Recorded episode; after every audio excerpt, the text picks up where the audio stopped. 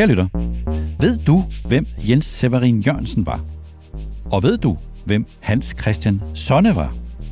Og kan vi her i vores dage i 2022 lære noget om strategi af det, der startede i Tisted helt tilbage i 1866, og som i løbet af forbløffende kort tid udviklede sig til ikke bare en folkelig bevægelse, men også til en privat virksomhed.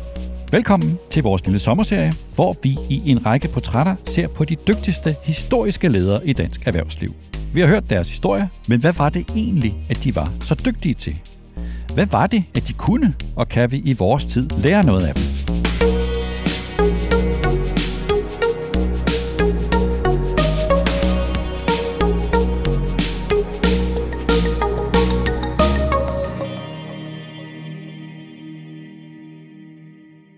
Gøre et folkeligt fællesskab til en kommersiel forretningsmodel? Er det virkelig muligt at skabe en sammenhæng mellem det, som vi i vore dage kalder et formål, eller som vi på nudansk kalder for et purpose, og så en kommersiel forretningsmodel? Altså, er det muligt ikke bare at have et samfundsnyttigt formål, og også at have en lønsom forretning, men også at få de to ting til at falde i hak, sådan at formålet og forretningen understøtter hinanden.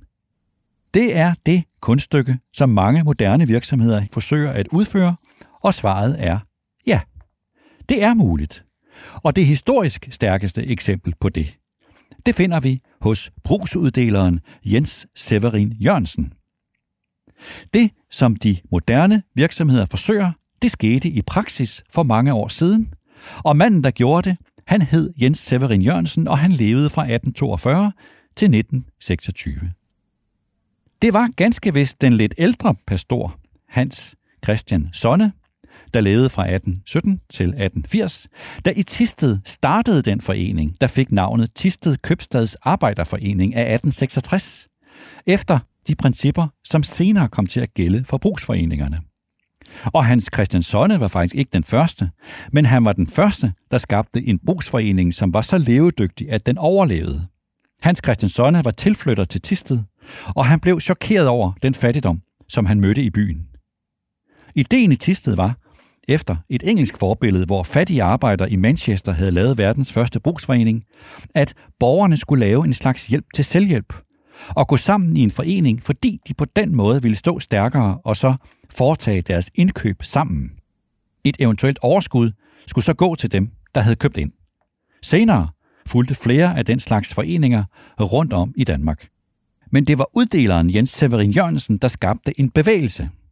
Det var ham, der var drivkraften i dannelsen af Fællesforeningen for Danmarks Brugsforeninger FDB i 1896.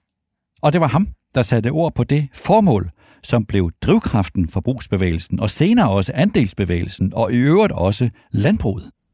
Jens Severin Jørgensens stærkeste ledelsesværktøj var, at han havde evnen til at udtrykke et formål, som rakte ud over handel med varer, og som han ville bruge til at samle de mange små brugsforeninger i et fællesskab mod datidens kapitalisme. Citat. Menneskets lykke og velfærd, såvel åndeligt som timeligt, beror som oftest i særlig grad på og står i forhold til, i hvor rigt mål de er kommet med i fællesskabet, i samfundet. Et samfund, hvor der virkes for den fælles trangs afhjælpelse, for de fælles goders og ønskers opnåelse, og hvor man samarbejder i de fælles anlægner. Citat slut. Jens Severin Jørgensen skrev det i 1894 i en lille håndbog i, hvordan man opretter en brugsforening. Her med forfatteren Christoffer Jensens bog brusen en anderledes forretning som kilde. Og nogle år senere, det var i 1903, skrev Jens Severin Jørgensen om sit syn på andelsbevægelsen som en åndelig vækkelse. Citat. Det er jo ganske vist rigtigt, at det blandt andet er andelsforeningernes rolle at bringe medlemmerne økonomiske fordele. Men i hvor vel denne opgave er ret betydningsfuld, er den alligevel den mindst vigtige. Nej, andelsbevægelsen har et langt højere og vigtigere formål end at øge befolkningens økonomiske velvære. Dens vigtigste og betydningsfuldeste mål er at løfte befolkningen til et højere moralsk stade, at gøre andelsforeningens medlemmer til dygtigere, selvstændigere og frem for alt bedre mennesker, citat slut, Jens Severin Jørgensen.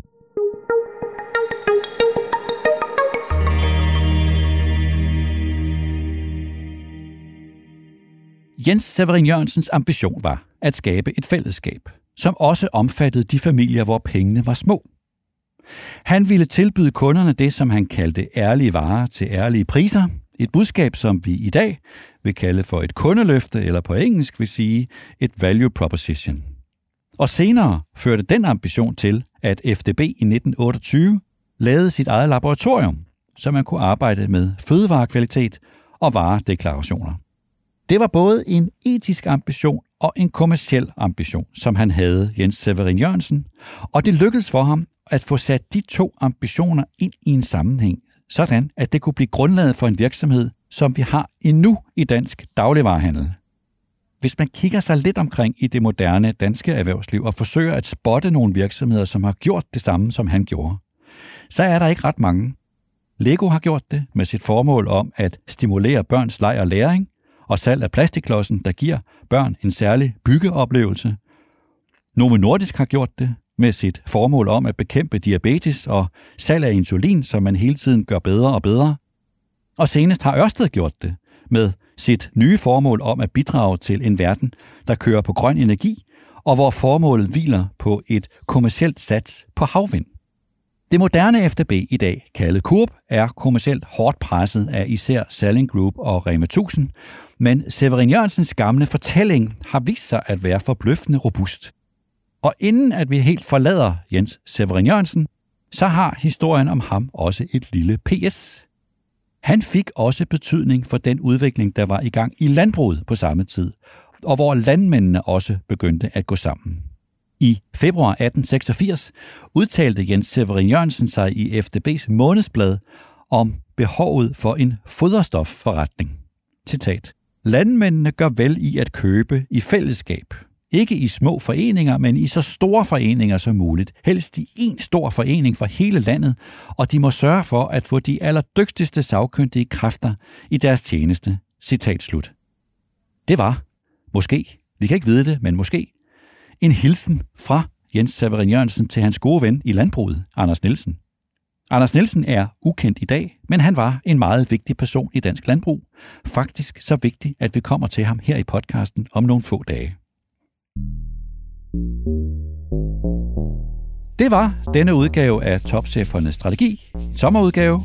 I morgen handler det om H.A.N. Andersen, der skabte det ØK, der senere udviklede sig til at blive Skandinaviens største virksomhed. Tak til Peter Emil Witt, der redigerede podcasten. Tak til dig, der lyttede med, og have en fantastisk dag.